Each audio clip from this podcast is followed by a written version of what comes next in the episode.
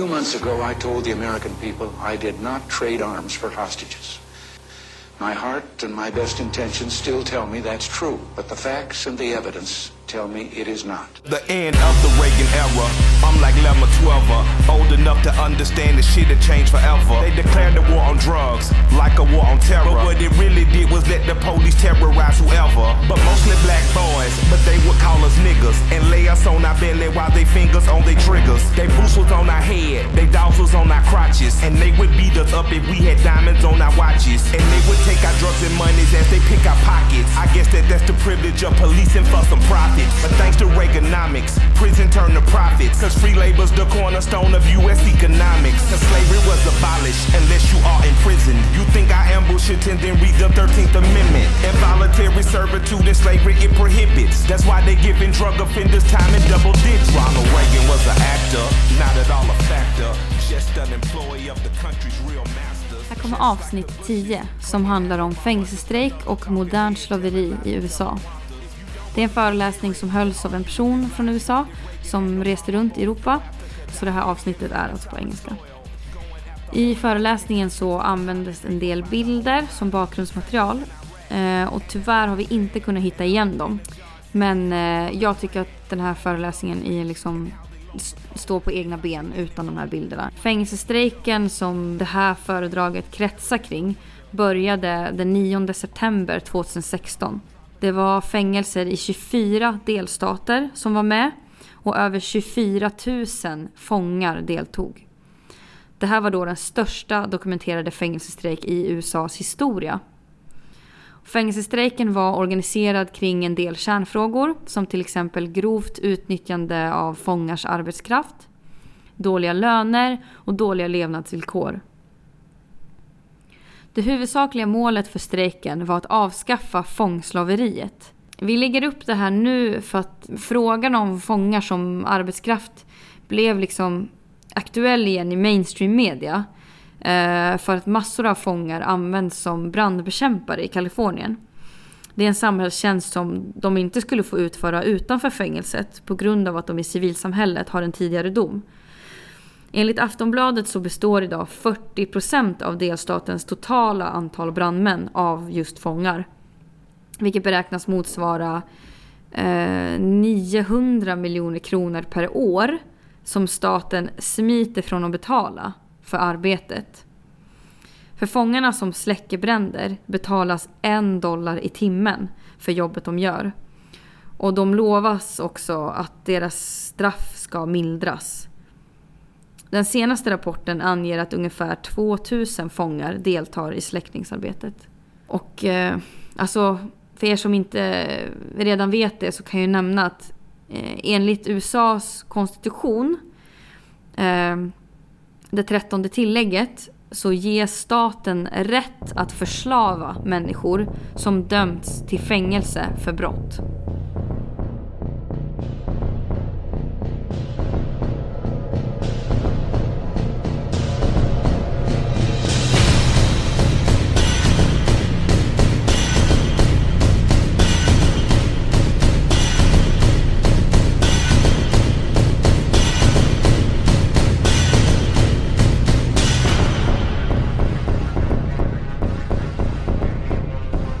Like everybody to give them a big round of fuck the police. Fuck, the police! Yeah, cool. Stockholm. Cool. All right, I'm gonna follow up um, some of the stuff they were talking about, solidarity tactics that anarchists use, like letter writing, noise demos, and uh, prisoner publications that are being used in the U.S. right now for a uh, massive prisoner strike, the largest in U.S. history.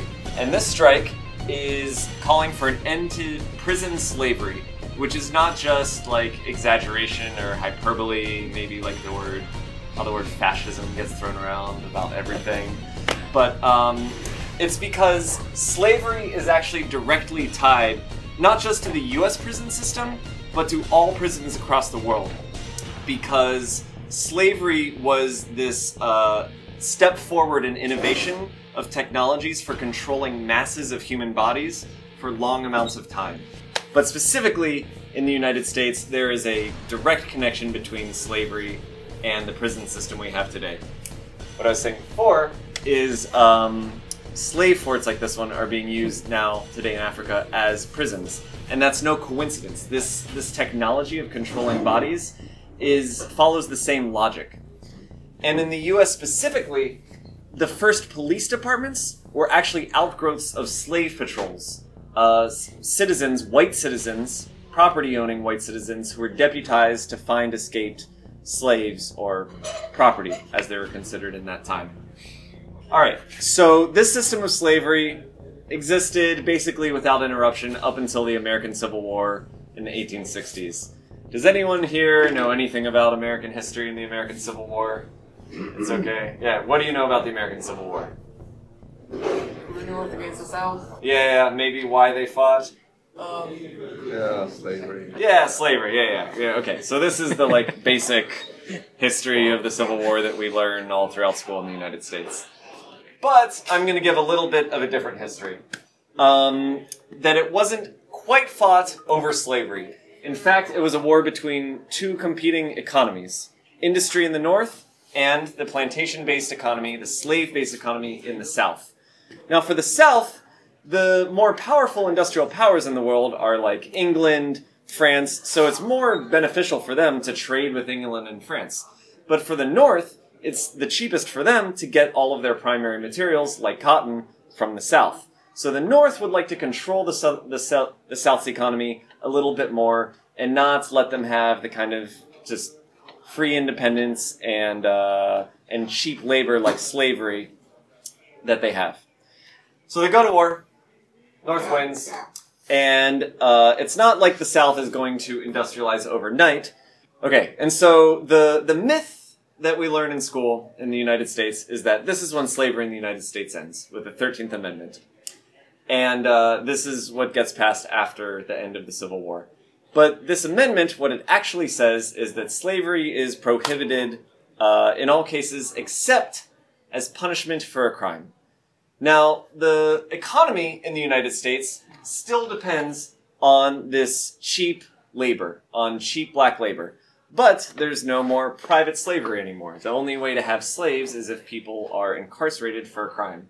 So, what is the way to recover that cheap labor if the only law in the books for having slavery is if people are punished for a crime? A massive system of incarceration. And in this decade, in the 1870s, you see the incarceration of black people just take off to recover this cheap labor for the plantation economy in the South.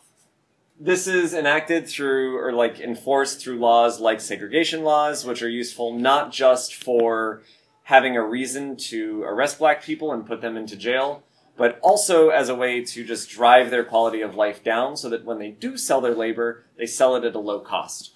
And these laws are not the only uh, weapon against black people, social weapon against black people in terms of driving their quality of life low. In this decade after the Civil War, we also see the rise of paramilitary white terrorism like the KKK, lynchings, uh, burning black people's houses, and yeah, generally in, enforcing terror and a lower quality of life and poverty upon black folks. So we see that black people are sort of this like uh, this surplus economy that that are managed. You know, they're sort of like kept in reserve, kept poor, uh, kept excluded, and then you know when they're needed, they're incarcerated, forced to work. And um, in the in the industrial sector, like uh, mining and factories and stuff like that, they're brought in a lot of times as strike breakers um, against organized labor in the United States because in the working class there is there's also this racial division between uh, white folks or immigrants and black people. Uh, there's a really good movie called Matewan, if anyone's seen it, that depicts this. Well, there's some good movies that show this going on. And this goes on up until the 1930s. The 1930s is known in the United States as this time when lots of the labor rights, lots of the struggles from the 19th century are really like legalized and formally won. So this is when unionizing is legalized. Uh, the eight-hour day is installed for workers across all sectors. Uh, child labor, ch- child labor is outlawed.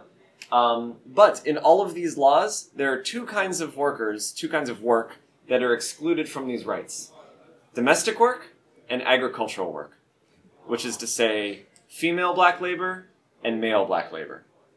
Black people are not admitted into unions at this time. All the big unions in the United States don't organize black people. The first union to organize black folks in the United States is the Industrial Workers of the World, an anarcho syndicalist union.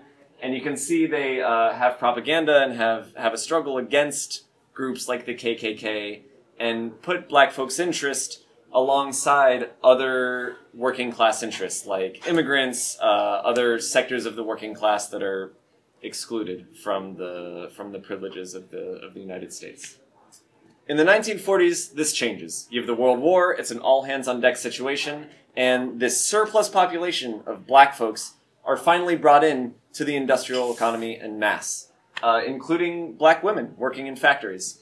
This sparks the civil rights movement of the 1950s, where black folks are like, okay, we can work in your factories, we can be drafted to die in your wars, but we can't vote for who represents us. And this movement radicalizes in the 1960s with uh, a lot of the national liberation movements that you know from the United States. Black Panthers, American Indian Movement, and the Brown Berets, a Chicano Latino group modeled on the Black Panthers. The vast majority of US political prisoners today are from these movements. So these are people who've been in prison for four or five decades, something like that. Um, this is one of the most famous political prisoners in the U.S. He was an American Indian Movement uh, activist. His name is Leonard Peltier, framed for the murder of two FBI agents. This is Russell Maroon Shoatz and Mumia Abu Jamal. Maybe people know about Mumia's case. And uh, a lot of times, political prisoners keep up their revolutionary spirit and their activism by organizing prisoners on the inside because unlike countries like Greece or like Chile or Turkey, the United States doesn't have separate political prisons.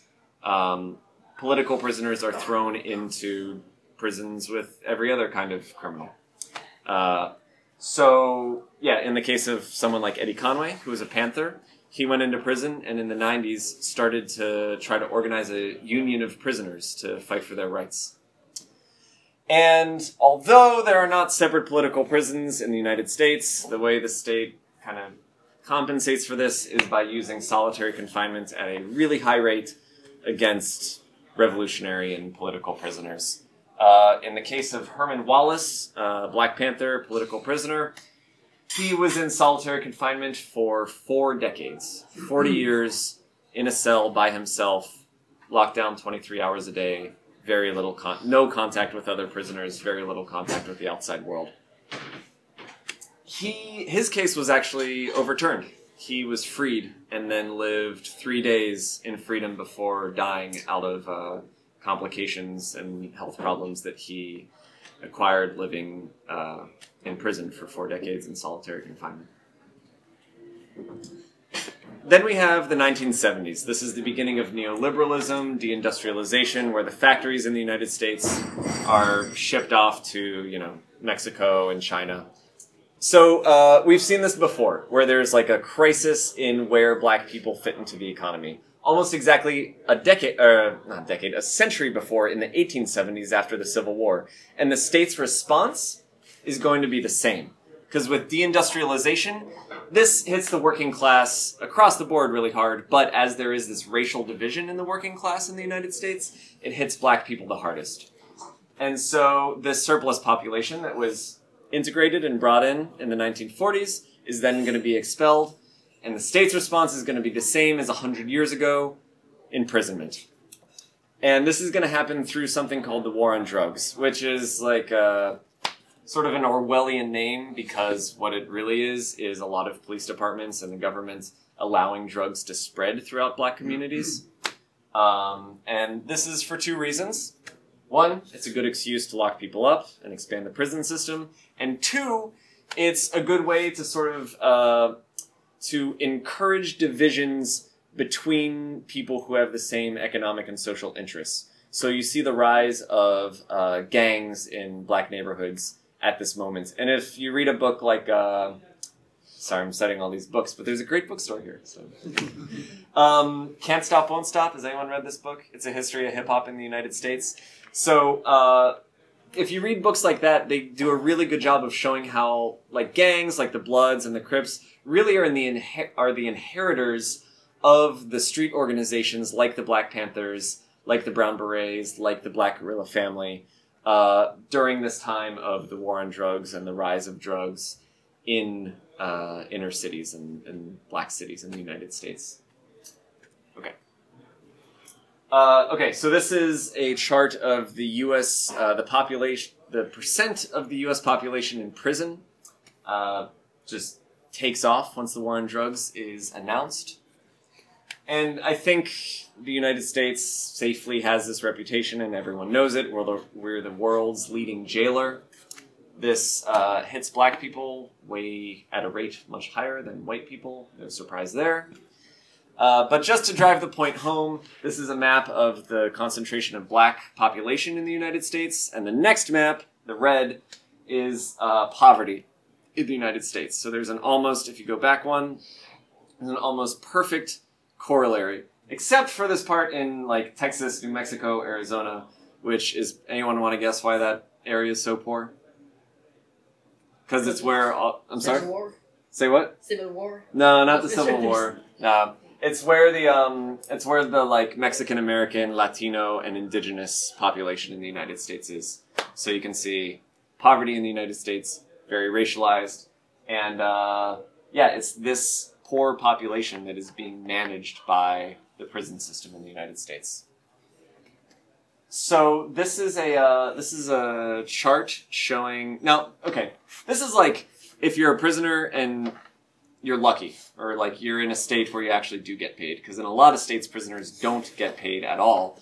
And for labor, like maintaining the prison that they're in, like yard work or working uh, in the laundry room or something like that, you don't get paid at all. Uh, there are other things that other mechanisms for coercing prisoners to, to do free labor, like good time, which is something that you can show when your case is up for like you know they're considering whether to release you or not. You know, if you have worked, that's good time. They might release you, but if you don't work, you don't get that benefit. Uh, and if you do get paid, you get paid about one seventh of what the federal minimum wage is in the United States. And not even all of that goes to you. The vast majority of it, I can't, I don't, I can't tell if anyone else can read it, uh, goes to administration and room and board. So going to the prison, who is, uh, you know, they, you're paying basically for your own like incarceration and for the shitty bed that you sleep on. Only about ten percent, twelve cents, goes to the actual prisoners and their fund. Uh, you know, tons of major corporations profit from this kind of prison labor by using subcontractors who use it. Starbucks, Nintendo, Walmart, and a lot of this stuff is like sewing their uniforms or printing their cups, just like, yeah, pretty menial labor. Can I just ask a stupid question? Yeah, yeah. So they get like twelve cents an hour in their pocket. Can they spend that money, or how does it work? With like, Um, that's not a stupid question. Um, so yeah, they can spend it, and it's you know there's stuff like uh, there's a commissary in most prisons, like where you can buy food or you can buy like you know uh, razors for shaving or uh, postage is really big for being able to write like friends and family on the outside, but it is like prison is a really desperate cutthroat environment like one of the one of the in an interview with one of the prisoners who's participating in the strike right now one of the things they're talking about is that the the these wages that they live with and the kind of like poverty they live with in prison drives this like gang divided cutthroat environment in prison that is really dangerous for them. And so one way to solve prison violence which is something that like prison administrations like to complain about all the time like oh the prisoners you know like it's a really dangerous place we need to keep them on lockdown like it's it's used as an excuse a lot of times for like the conditions that the prison imposes on the prisoners a lot of this could be resolved if they got paid you know what the prisoners are saying is a fair wage or at least more than they're getting paid now for their work right? um, Can they buy stuff from outside the prison? Mm, no, I think it has to go through the commissary. Yeah. Yeah, from outside in, but from inside out to like buy something, I don't think. Yeah, I don't think so. You can just make some savings. right during the time. Yeah. So basically, all the money which going like for taxes and system through the the, the um, penitentiary system is going for like the salaries from the for the prison guards and stuff like that, and it makes like conflicts like for people who thinks like oh it's so much money going for prisoners they have like they have better life than people in hospitals and stuff.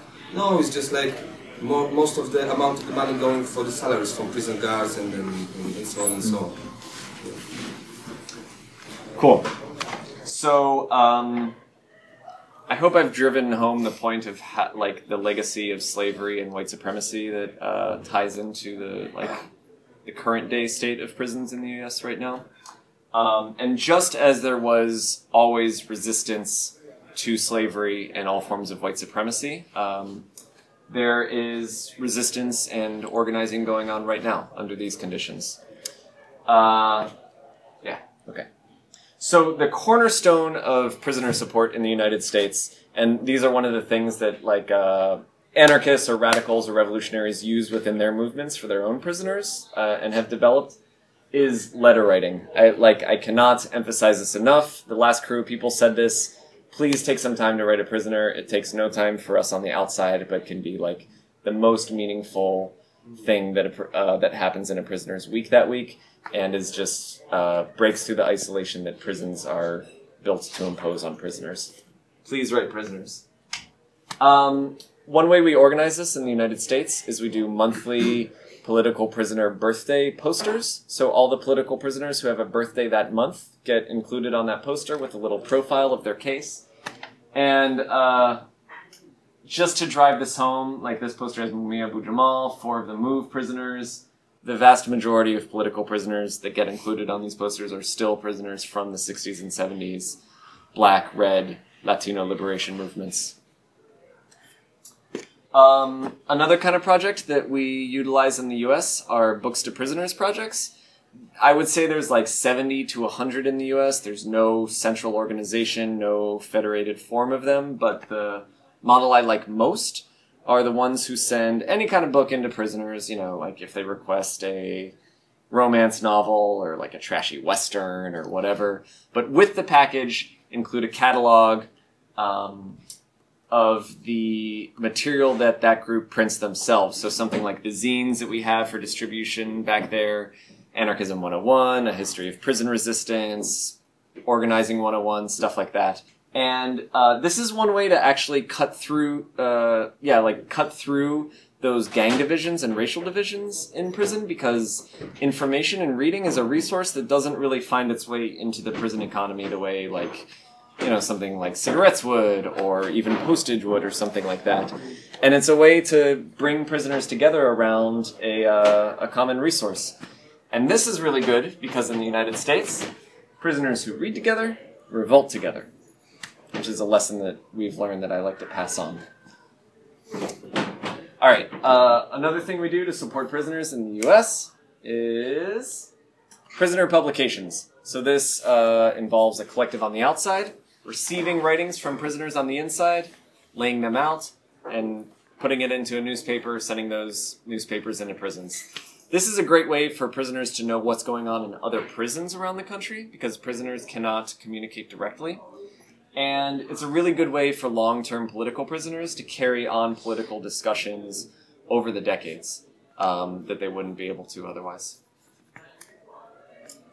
Uh, yeah, noise dem- demos are big. We saw a video of one of them. I think it's pretty self explanatory. Uh, we like to do these on New Year's because special dates like New Year's and birthdays are times when prisoners might feel especially alone. So uh, in my town, we do them on Valentine's Day too that was all about the support and the projects for prisoners from the outside.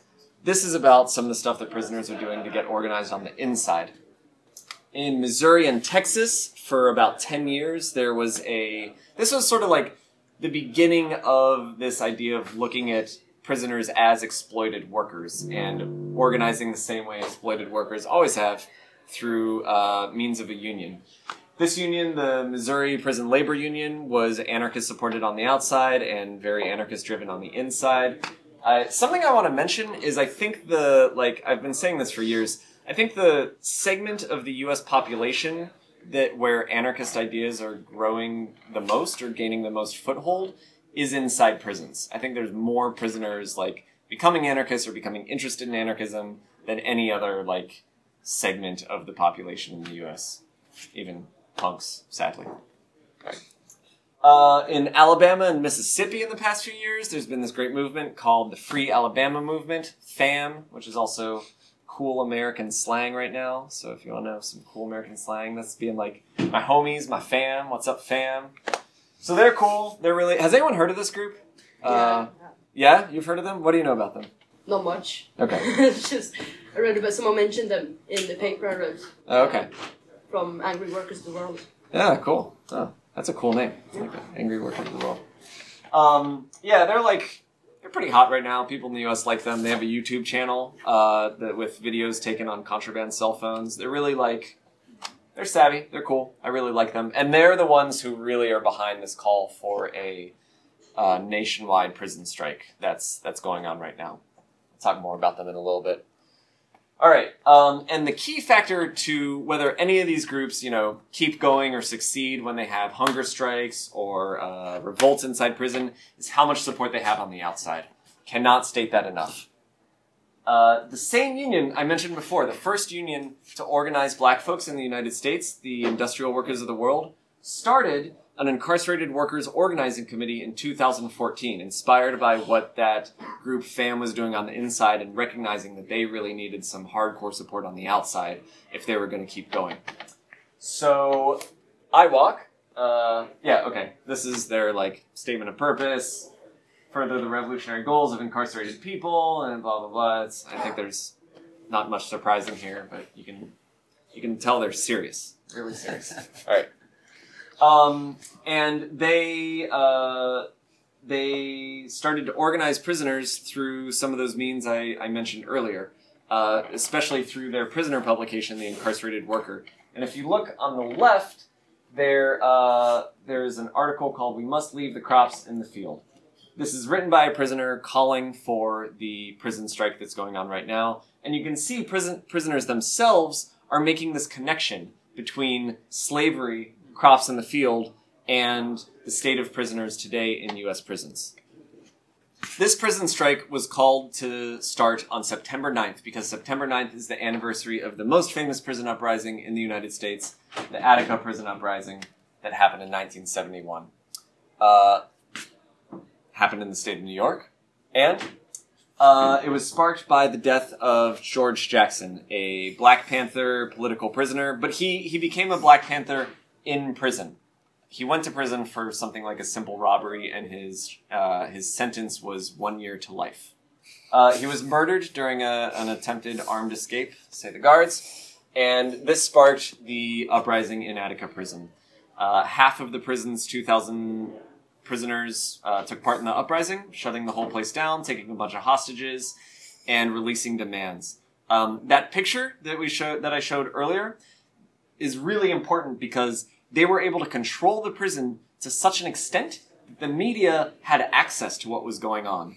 This, uh, the prison system has really learned a lesson from this, and unfortunately, I'm not going to have lots of pictures from what's going on right now because there's an almost total media blackout on what, well, even if the media wanted to cover it, they would not be able to have access to what's going on inside U.S. prisons at the moment. Um, the media also uh, was able to communicate with the prisoners and get uh, in this uprising and get their list of demands, which was really important, and get those out uh, printed in papers across the country, which forced the authorities to, uh, you know, pay some lip service and say, yeah, yeah, yeah, we agree to these demands. But in the end, um, disgustingly, but perhaps not surprisingly, they betrayed this, killed a bunch of the prisoners, and even some of the hostages. More recently, in Georgia, 2010, prisoners across seven different facilities organized a big prison, um, a big prison strike through the use of contraband cell phones, which is really novel and cool.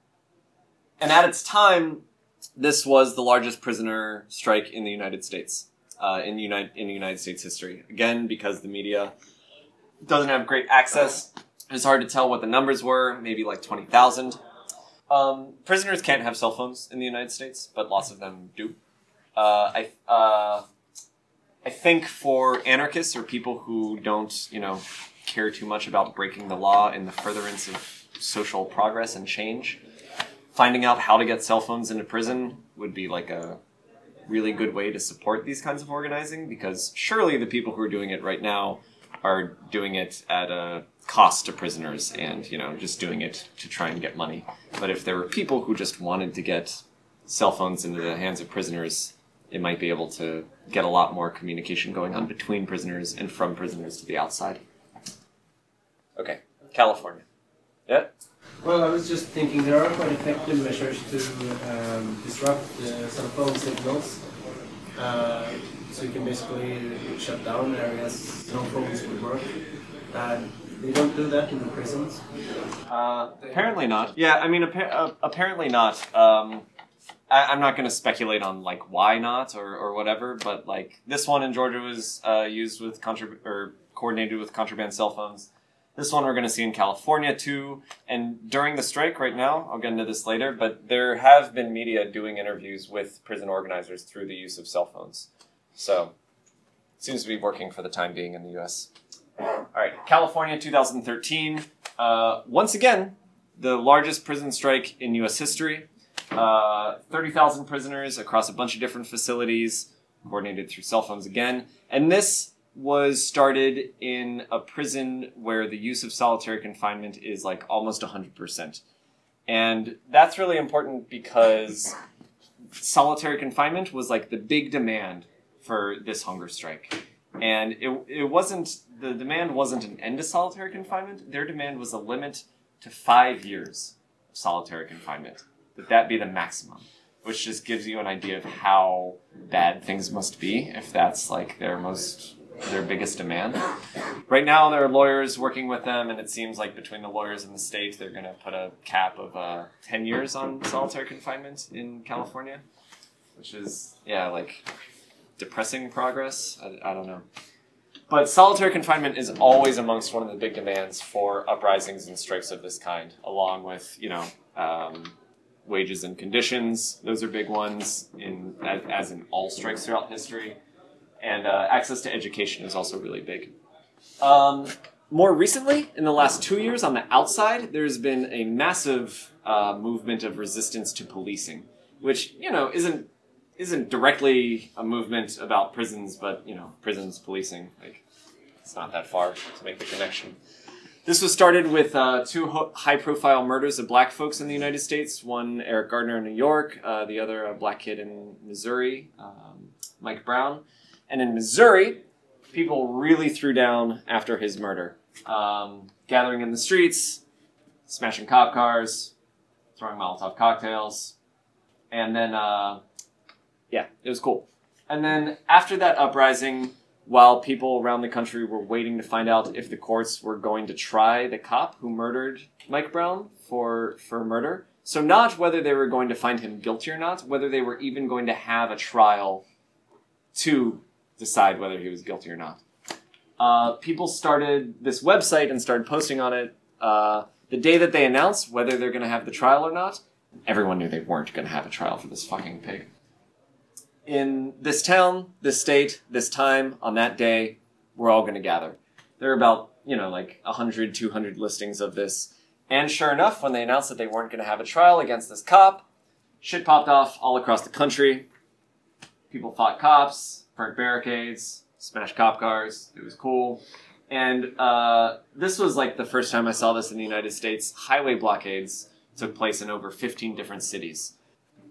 All right, so that's the fall of 2014, and then Christmas hits and everything. It's like everything calms down. You keep the news keeps covering like way more than before cops killing black people. And so if you haven't been paying attention, it's like, wow, cops are killing a lot more black people. But actually, it's like cops have been killing black people, you know, like forever in North America. That's like, that's what North America is built upon the like disposability of black life.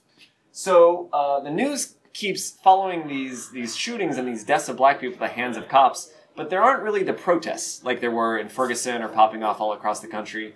So I thought it was kind of like the Occupy movement or the Plaza movement in Spain or like a lot of these movements we've been seeing in the past few years where it's like pops off for like a month, two months, then dies out and just kind of dissipates and goes away. But I was wrong. In May 2015, in Baltimore, again, death of a young black man at the hands of police there. People took to the streets, smashed cop cars, burnt cop cars, looted. Uh, it was cool. And really important in Baltimore, uh, there was a gang truce during this uprising between rival gangs saying, you know, we're going to ignore our beef. We're not going to, like, you know, use any guns against each other during this time. We're going to unite to the the formal gang truce has some like pretty PC language in it, but I think in the eyes of a lot of people, they're like, we're going to put our beef aside so that we can unite to fight the cops during this time. And uh, this is this has happened in uprisings in U.S. cities since. Uh, just two weeks ago in Charlotte, there was a similar gang truce during similar thing. Cops killed a black guy there. People rose up. All right, so then this year, this has escalated to another level where people are starting to shoot back against the cops. This guy, army trained dude, um, killed five police officers during a Black Lives Matter march in Texas. And this guy in Louisiana shot a couple of cops, killing two of them. So we can see this movement is just like escalating.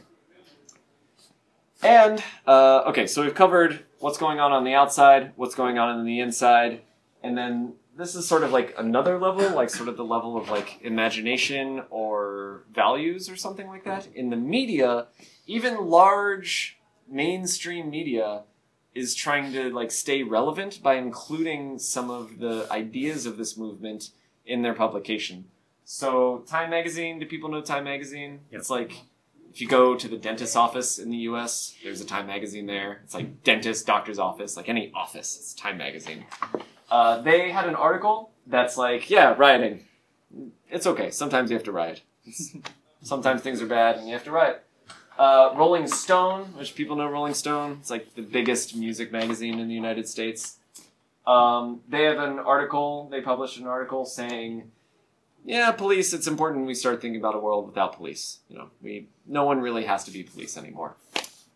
And MTV, M fucking TV, which when I was a kid, it was like the enemy. You know, they're just like the worst. Uh, they have this program where this lady is saying, ah, yeah, the president is saying, you know, if, if you want to protest, it's okay, but you have to be peaceful. Look at her face. She's like, peaceful. Ugh, ugh.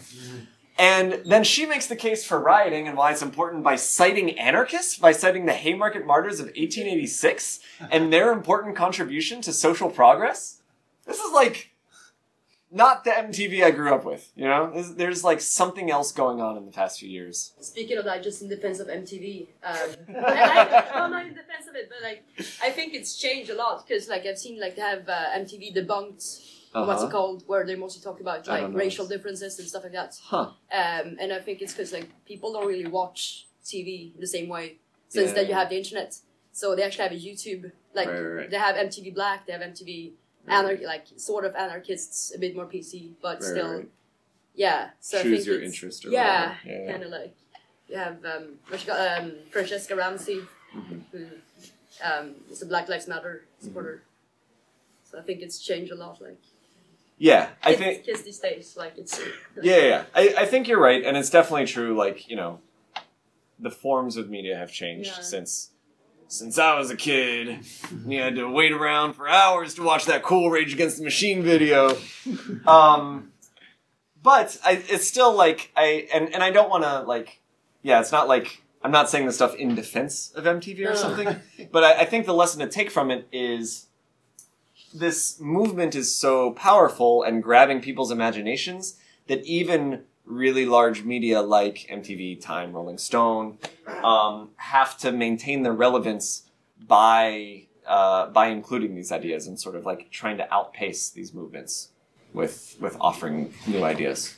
Okay, uh, of course the just as the capitalist media is trying to maintain some relevance in, in the face of all these movements, the state also is. The state's reformist solutions are just, I don't think anyone is actually fooled or impressed by them, but uh, Obama visited a prison, which is like what the fuck, big deal. But he's actually the first president to ever visit a prison in the United States, which is yeah, like you would think a president would visit a prison at some point in history. Nope.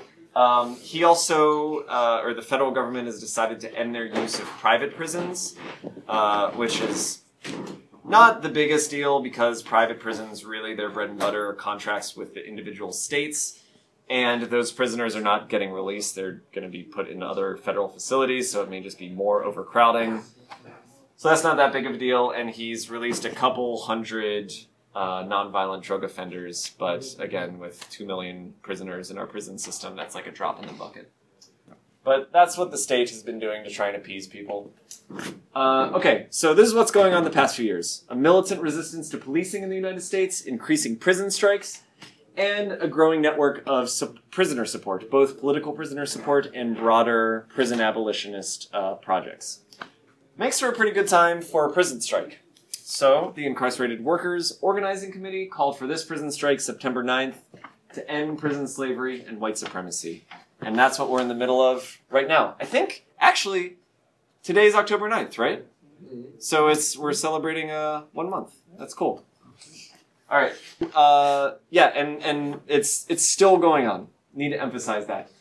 Mask Magazine, some cool anarchist comrades in New York estimate that um, between the facilities that they've counted that have announced that they're on lockdown, there's about 60,000 prisoners affected by this strike and not working, which means that once again, for the third time in the last six years, this is the largest prisoner strike in U.S. history.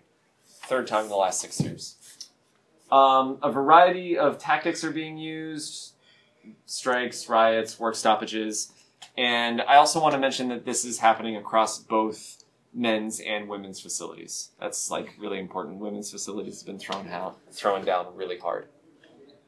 I want to touch on a couple of highlights. In Michigan, uh, 400 prisoners had a march inside their prison, which is something I've never heard of before. Prisoners having like a like a straight up march. Uh, in Holman, Alabama, this is like the the heart of the Free Alabama movement of FAM. Um, the guards joined the strike. No guards reported into prison, and this isn't like I can. There's details to it that I can talk about later, but it's not like the prison guards like now believe in abolishing prisons or something like that. But it's like the conditions of the prison uh, provoked by the strike were just unbearable for the guards, so they stopped. Um, and in and all across Florida, actually, prisoners have been rioting, and in Holmes, Florida, especially, prisoners threw down real hard. And also, when I say riots, I don't mean like a I don't know what people think. I don't mean like a melee, like between prisoners or something. I mean prisoners like doing as much damage to their uh, facility as possible to be to interrupt the basic functioning of the prison this has been mostly ignored by the mainstream media. I I think it, like my guess is because the presidential campaigns are going on and the prison system is one thing that both presidential candidates are agreeing not to talk about or are in agreement that yeah, let's keep the the prison system just the way it is. I think they're pretty much in agreement about that. Uh, but to the level of Vice, you guys have Vice in Sweden. Mm-hmm. It's like sort of like just under mainstream news, internet, pick your news kind of stuff. Yeah. Um, Vice had a story on it. Uh, Democracy Now! had a story with an interview with a prison organizer. Wired, BuzzFeed, and MTV has a podcast uh, called The Stakes. The MTV has a bunch of new podcasts out, and they have a political one called The Stakes, which uh, for me is is actually like the best coverage I've seen so far. They interview one of IWOC's um, organizers on the outside and two prisoner organizers on the inside. Um, and yeah, stakes, MTV. That's that's that one. Okay. Um, on the outside, people there's been a lot of activity supporting the strike. So these are noise demos outside of prisons. Those are people storming the Department of Corrections in Oregon, um, the Office of the Department of Corrections, blockading a road uh, that like that's the road that prison guards take to go to their training facility. So they blocked this road, preventing prisoner prison guards from getting to their training facility with messages supporting the strike. Uh, and where these noise demos have happened, where you can actually see prisoners, prisoners are right up on the window, you know, throwing their hands up, writing signs, putting signs up, just like letting letting people know that they're appreciated and loved from the inside. And uh, this has been really cool, just like the act of breaking the isolation that prisons are there to to build. Uh, there have been solidarity actions all across the world. In Australia, people stormed the U.S. consulate. Banner drop in Serbia. It's a university on strike in Mexico. Prisoners in Athens have uh, taken action in solidarity with the striking prisoners in the USA too, which is really cool.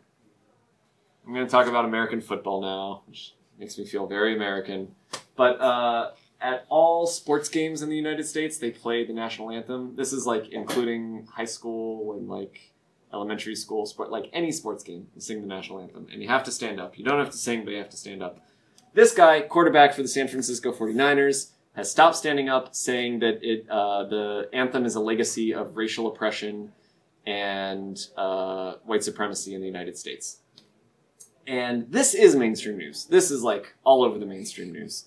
And he has a Twitter account with a, a million followers, and he's been retweeting stuff from the Incarcerated Workers Organizing Committee about the strike, which has been really cool. I, I like including this because like there's a real diversity of ways that white supremacy in the US is being combated right now and resisted and I like showing how some of the sort of like more like mainstream or like media oriented ways are overlapping with some of the like real action that's going on. That's the prison strike, uh, which is celebrating one month today.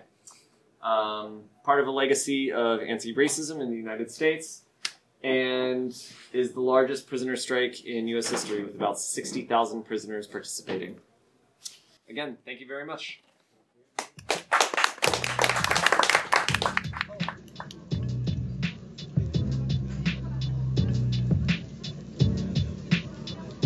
Nu har vi gjort vår grej ett tag och eh, det känns som att något saknas. Alltså vi gillar ju våra egna röster och så. Men eh, det hade varit väldigt fint att få höra er eller åtminstone få ta del av era tankar kring världen. Kanske är det någon nyhet eller något som hänt eller som kommer hända som du har en massa tankar kring eller vad det än är får du gärna skicka in egna inspelningar, texter eller tips till oss på Motbrus. I så fall så ska du skicka det i ett mail till motbrus.riseup.net. För filer större än 2 megabyte så kan du antingen använda shareriseup.net eller någon annan krypterad fildelningstjänst. För att skicka krypterade mail till oss hittar du vår PGP-nyckel på vår blogg under fliken Medbrus. Vi ser fram emot att höra från er alla och vi önskar er alla frihet och styrka och ett liv utan repression och förtryck.